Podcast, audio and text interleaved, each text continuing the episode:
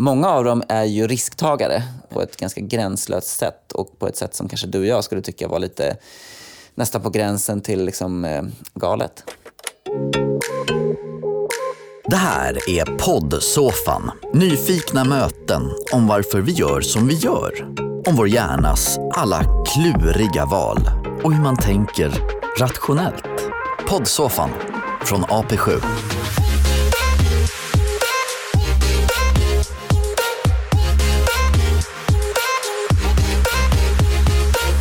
Tjena, får jag ställa en harmlös fråga till min podd? Ja, inte just nu för nu är jag väldigt stressad. Ja, du är stressad. Inte om jag går med ens. Förlåt. Inte om jag går med dig, så du inte förlorar Jag är tid. inte säker på vart jag går just nu. Får jag ställa en harmlös fråga till min podd? Vad? Får jag ställa en harmlös fråga till min podd? Nej. Ingenting. Nej. De tar mig för försäljare. Tar du mycket risker? Alltid. Eh, Den senaste risken var väl att, eh, att jag har tagit en enkelbiljett eh, i, eh, efter, i nyår och utan boka en återresa. Det är en risk, för vi vet inte hur vi tar oss tillbaka. Men vem vet vart det kan leda? Ja, eller hur? Brukar du ta risker? Jag vet inte, det är en svår fråga. Det beror på i vad. Vad var det senaste du tog? Ja, Jag bänkade mer än jag skulle göra egentligen så jag tappade nästan på ansiktet. Bänk, bänkpress eller? Ja, det var det. Hur var, mycket var det? hur mycket var det? 138.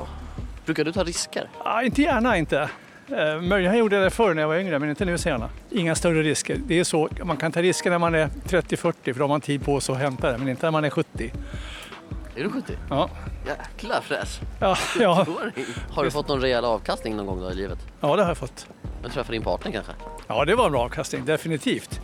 Och, och det har ju eh, burit frukt i snart 50 år, så det är bra. Det förknippas med tråkighet, Vadå? att man inte är riskbenägen. Det är liksom lite grått, det är lite beige. Jag önskar att man var lite mer, våga lite mer kanske. Dagens gäster har nyligen tagit tempen på Sveriges nya miljardärer i en bok med samma namn. Till vardags så arbetar de som nyhetschef respektive nyhetsreporter på Breakit. Jon Mauno Pettersson och Erik Wisterberg, välkomna till poddsoffan. Tack så mycket för att vi får sitta i din soffa. Eller vår soffa är det ju. det är Men eh, att vi får vara med i soffan. Vad har vi på soffan? Den här är köpt via Blocket. Begagnad soffa som vi tog hit för vi kände att vi ville ha någonstans där man kan ligga och vila lite. Eh, Så den har vi, ja, en anställd här på Breakit köpt hem på Blocket och fixat så den kom hit. Så det är en, eh, en hållbar soffa eftersom den är begagnad. Säger Jon som alltså låter så här. Exakt, Jon Mauno Pettersson var där. Och Erik låter. Ja, jag kan ju berätta, det här är Erik och jag kan ju berätta att den här soffan var tvungen att fraktas ner för den här spiraltrappan som leder ner i underjorden i flera delar eh, och sättas ihop här nere på plats. Mycket nära Dramaten i, i kungliga huvudstaden då. Jag kanske borde stuckit in också att ni ju prisade i jobbet. Jon är ju nyhetschef på Breakit som bland annat fick Sveriges tidskrifters stora pris i höstas. Grattis! Ja, tack så mycket. Vad är Breakit för något? Ja, men Breakit är ju Sveriges nyhetssajt för det nya näringslivet brukar vi prata om. Liksom den här nya vågen av företag som tar över och förändrar näringslivet i grunden. Så det är, vi brukar ibland säga Dagens Industri fast lite nyare och fräschare ungefär. Hur får ni lön? Hur vi får lön? Vem som betalar vår lön? Nej, men vi drar in pengar, vi säljer annonser, vi skapar event och sen har vi också ett gäng riskkapitalister som har backat oss eh, sedan starten för att vi ska kunna gasa så som en startup ska göra. Eh, Så det är väl olika intäktsben och vi växer på. Erik, du har ju vunnit Stora Guldspaden efter att ha wallraffat eh, om cykelbud. Mm, tillsammans med Jon faktiskt. Eh, vi prisades som nytänkare, vilket var extra kul eftersom vi försöker göra journalistik ofta på nya sätt. Och det där var ju för en granskning av eh, Uber Eats och Foodora.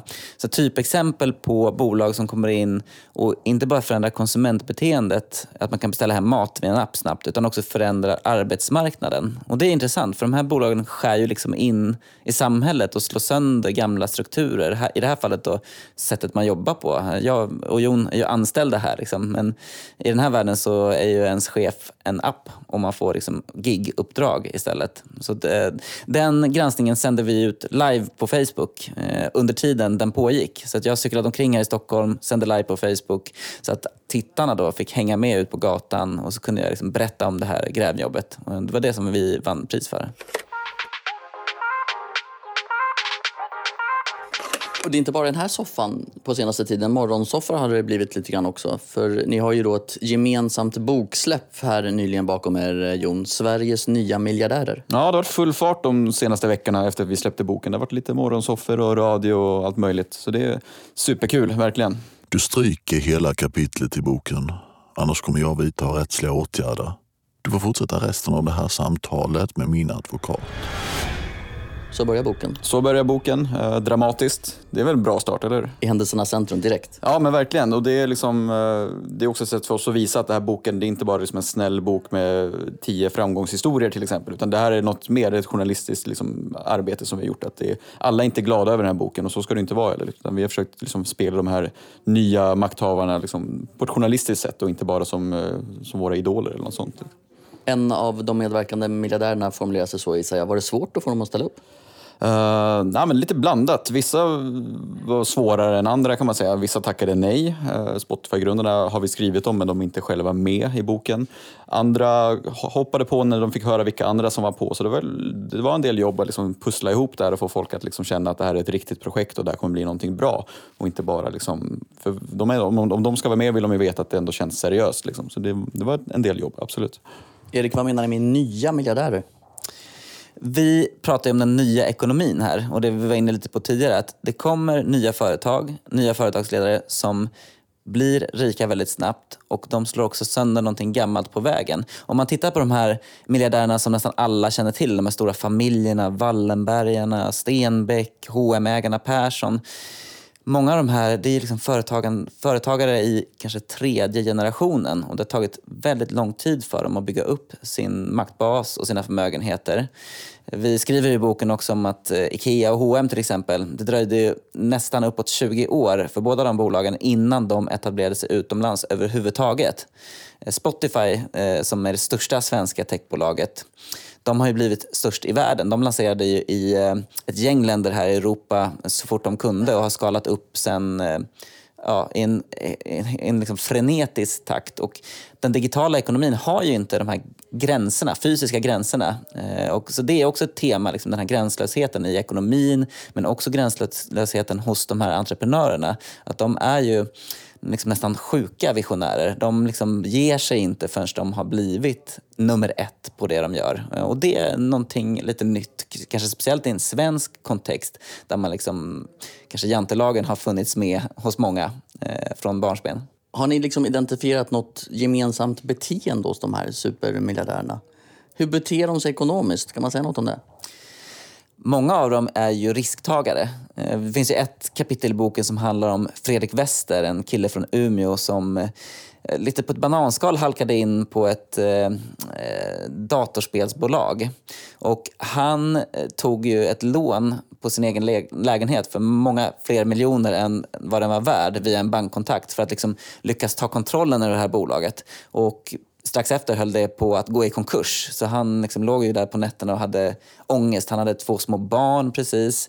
Eh, hans fru var kanske inte riktigt lika glad över det här. För att skulle bolaget krascha, då kunde man ju tänka sig att han skulle sitta där med en stor skuld och liksom potentiellt förlora lägenheten och allting. Så det är ett typexempel på att man tar väldigt stor risk och sen jobbar eh, galet mycket för att, få, för att få ordning på det. Och, eh, det här bolaget börsnoterades ju sen, Paradox eh, som det heter, 2016 och eh, är idag värt ungefär 15 miljarder. Och Fredrik Wester, då, eh, han som tog det här lånet, eh, har skaffat sig ett eh, nytt hem i Spanien där han eh, liksom lever ett ganska härligt liv idag. Och det där risktagandet tycker jag går igen.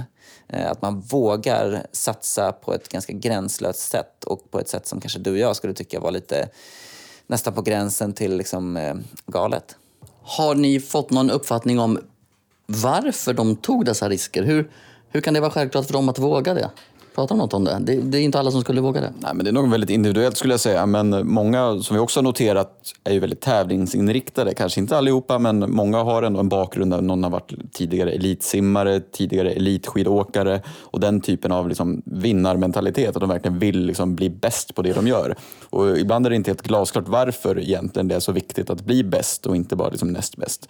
Och, och det vet jag inte riktigt om vi egentligen får något svar av dem från. De kanske inte ens själva vet det riktigt, utan då får man nog titta mer på ja, hur människan fungerar liksom, och hur den här typen av människor fungerar. Och där har vi ju skrivit lite grann om också, absolut. Liksom. Men det är svårt att säga med säkerhet exakt vad det beror på. Liksom. Nej, men jag tycker att det är lite en gåta. Om man tar de här liksom, kanske idolerna som de svenska entreprenörerna har, alltså superprofiler som Elon Musk till exempel. Varför måste man både liksom satsa på att bygga ett rymdföretag och elbilsföretag samtidigt? Varför räcker det inte med en av grejerna? Liksom? Eller eh, Jeff Bezos är ju samma sak. Eh, Liksom, varför räcker det inte med att bygga världens största butik? Han håller ju också haft något konstigt rymdprojekt på gång. Alltså de, Amazon. Ja, precis. Amazon-grundaren. Det, det finns ju någonting där som gör att de vill mer hela tiden. Mm. Sen finns det ju också en ganska liksom enkel förklaring kanske. Det är att de här verkar ju tycka att det är väldigt kul det de gör också. De drivs ju liksom, man märker ju att de, här, de tycker om det här. De slutar inte jobba bara för att de är miljardärer utan de fortsätter jobba och bygga de här bolagen. Så visst, det kan ju absolut handla om bekräftelse och sådana saker. Men i grunden tror jag också att många av de här gillar ju entreprenörskap. Vissa har jämfört med liksom att bygga en vacker möbel till exempel. Att man som en snickare, man liksom bryr sig om hantverket och tycker det är roligt. Sjunde AP-fondens podd är ju detta. Pension är ju såklart centralt. Det kanske inte är någonting då som eh, de här superentreprenörerna har tänkt på lika mycket i alla fall de har startats upp och så. Man kan tänka att man under några år måste släppa skyddsnät och sånt där. Vad säger ni om det? Om man tänker på just pension så skaffar de ju sig en rätt bra pensionsförsäkring så att säga, i bygget av sina bolag som skapar enorma förmögenheter. Men det som jag tyckte var spännande, som många av de här Eh, en entreprenörerna sa, till exempel Sebastian Siemiatkowski som har grundat eh, banken Klarna. Han tog upp att det finns någon slags trygghet i det svenska systemet. Att man, dels kan man få gratis utbildning eh, när man växer upp och det finns också sociala skyddsnät som gör att du faktiskt kan satsa och krascha utan att du liksom hamnar på gatan efteråt. Det finns ändå någonting att falla tillbaka på.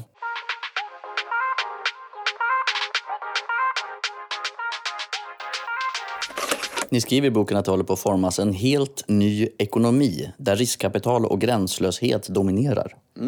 Hur då?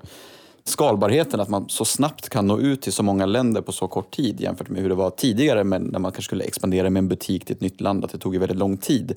Nu kan man ju, som Spotify som exempel, på tio år liksom förändra en industri i grunden och då skapas ju väldigt stora värden och så förstör det ju för väldigt många gamla företagare också som hade kanske skivbutiker och sådär och skivbolag som utmanas.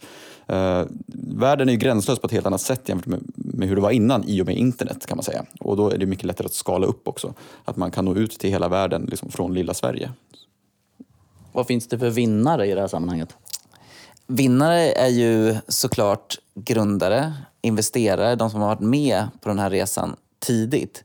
Och Spotify är ett extremt intressant exempel tycker jag. För det är en annan sak när jag berättar för mina kompisar som inte har koll på den här världen att eh, Spotify aldrig har gått med vinst under ett helt år. Fortfarande? Fortfarande. Eh, och då blir folk så, va? De är ju störst i världen. Och det är det som vi försöker förklara också lite, hur den här ekonomin fungerar. För den bygger ju på att du har en idé, du hittar investerare som tror på dig, de går in med pengar tidigt, de fortsätter att mata in pengar tills man bygger upp ett så pass stort värde då, så att man kan, som i Spotifys fall, börsnotera bolaget. Fast det ännu inte har gått med vinst. Och Det är också en, en liten ny grej i den här ekonomin. Förut var en börsnotering man kanske gjorde när bolaget var väldigt stabilt och bevisat. Ehm, så vi försöker också förklara lite hur den här världen hänger ihop och vi var inne på det här med riskkapital, vilken roll det spelar. För många tänker på kanske så här Carema-blöjor och så här onda riskkapitalister som köper upp sjukhus och sen så gör de allting helt bedrövligt efteråt. Och det här är ju en annan typ av riskkapital och utan det, då hade vi inte haft eh, något Spotify eller liksom nästa stora mm, techbolag.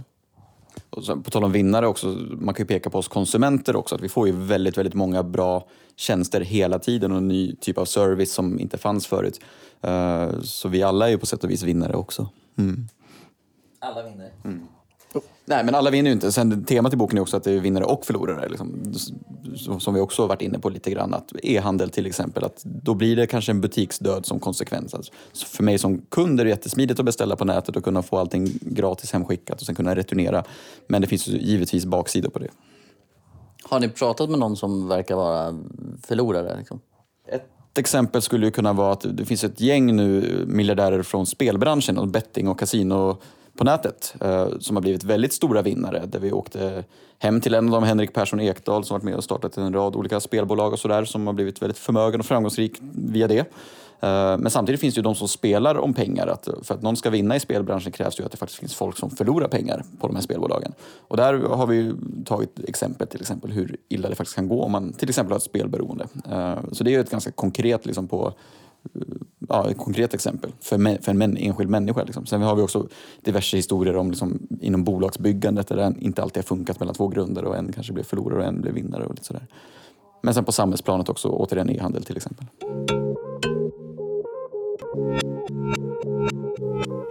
Vad skulle du satsa på för att bli superentreprenör och miljardär? Du som har träffat så många och omgivits med så mycket startup och sådär. Jag har träffat tillräckligt många för att fatta att jag är nog inte en av dem. För jag tror inte att jag skulle eh, kunna göra de uppoffringar som krävs faktiskt. Men det jag tycker man kan lära sig av de här eh, företagen som är med i boken är att det handlar nästan alltid om att pricka tajmingen helt ultimat. Och de går in i något skifte. Som Spotify till exempel. Precis när skivindustrin var nere för räkning och liksom skrek om pirater, då kom de. Eh, några e-handlare som var tidigt ute när just näthandeln började booma. Eller Klarna till exempel som såg det och tänkte att ja, men vi kan bygga ett företag på att man kan skicka fakturer. Eh, så att, att se de här skiftena och komma in i rätt tid där, det är väl lärdomen som jag kan dra. Ja, absolut, jag håller med. Och sen också, ofta, de- här företagen är ofta startade kanske två eller tre personer till exempel. Att hitta folk som kompletterar varandra har man ju förstått det är också ganska viktigt såklart. Att man själv kanske inte skulle kunna bygga ett på egen hand ett superstort bolag men om man teamar ihop sig med rätt folk som också brinner för samma idé så kan det säkert gå långt. Liksom. En röd tråd är ju att de här tar ju som sagt mycket risk, man måste våga och köra på. Liksom. En nyckelfaktor är att man faktiskt ger sig in i någonting som man på riktigt brinner för. Alltså annars orkar man inte det här maratonloppet som är att bygga ett stort bolag. Det kan inte vara så att man, man ser någonting som en, bara en affärsidé utan jag tror faktiskt att man ska vara genuint intresserad av just det som man tänker lägga tio år av sitt liv på. Jag tror att Daniel Ek på Spotify eh, till exempel genuint faktiskt eh, brinner för sin vision om att skapa någon slags plattform som gör att folk kan hålla på med musik även i en digital värld. Den eviga frågan. Verkar de ha blivit lyckligare av miljarderna? Det är nog lite blandat tror jag. Ett kapitel handlar om just det temat och där har vi liksom som exempel Niklas Adelbert, en av Klarna-grundarna som idag- driver Norrsken som är en stiftelse som investerar i företag som ska göra världen bättre. Han blev inte glad av pengarna utan han beskriver liksom hur han hade varit i Las Vegas och shoppat och liksom började gråta på sitt hotellrum i princip för att han kände sig så tom egentligen. Men nu känner han sig säkert inte tom eftersom han har liksom bytt bana i livet och hittat vad han faktiskt brinner för idag. Så det är nog lite förenklat att tro att man blir liksom lycklig bara för att man blir rik. Men samtidigt så det är klart det är kul också kan jag tänka mig. De, vissa har ju verkligen skaffat sina drömliv. Liksom, med superfeta kåkar och alla möjliga leksaker i form av materiella ting. Liksom. Men samtidigt så är det kanske inte det som är det viktigaste i livet heller. Vad vet du om år 2020? Och vad hoppas du? Jag vet ingenting om framtiden, det är det enda jag vet. Men eh, jag hoppas på att eh, kunna... Nej, gud, jag vet Du ska inte vara kvar här va? Nej, jag vet ju att jag ska börja jobba på ett nytt jobb på Svenska Dagbladet och fortsätta bevaka tech. Okej. Lycka till med det. Ja, tack så mycket. Vad vet du om eh, 2020? Nej, Det är helt blankt. Jag vet ingenting förutom att vi ska konkurrera med Erik nu, vilket känns ganska kul. Eh, Så nu kommer vi fightas om de här technyheterna som vi tidigare varit i samma lag om att slåss om. Så det känns, eh, det känns nice. Det är härligt. Ja, det blir kul. Jon Mauno Pettersson och Erik Wisterberg från Breakit. Vad kul att prata med. Tack för att vi fick snacka med dig. Ja, det var mysigt här i soffan.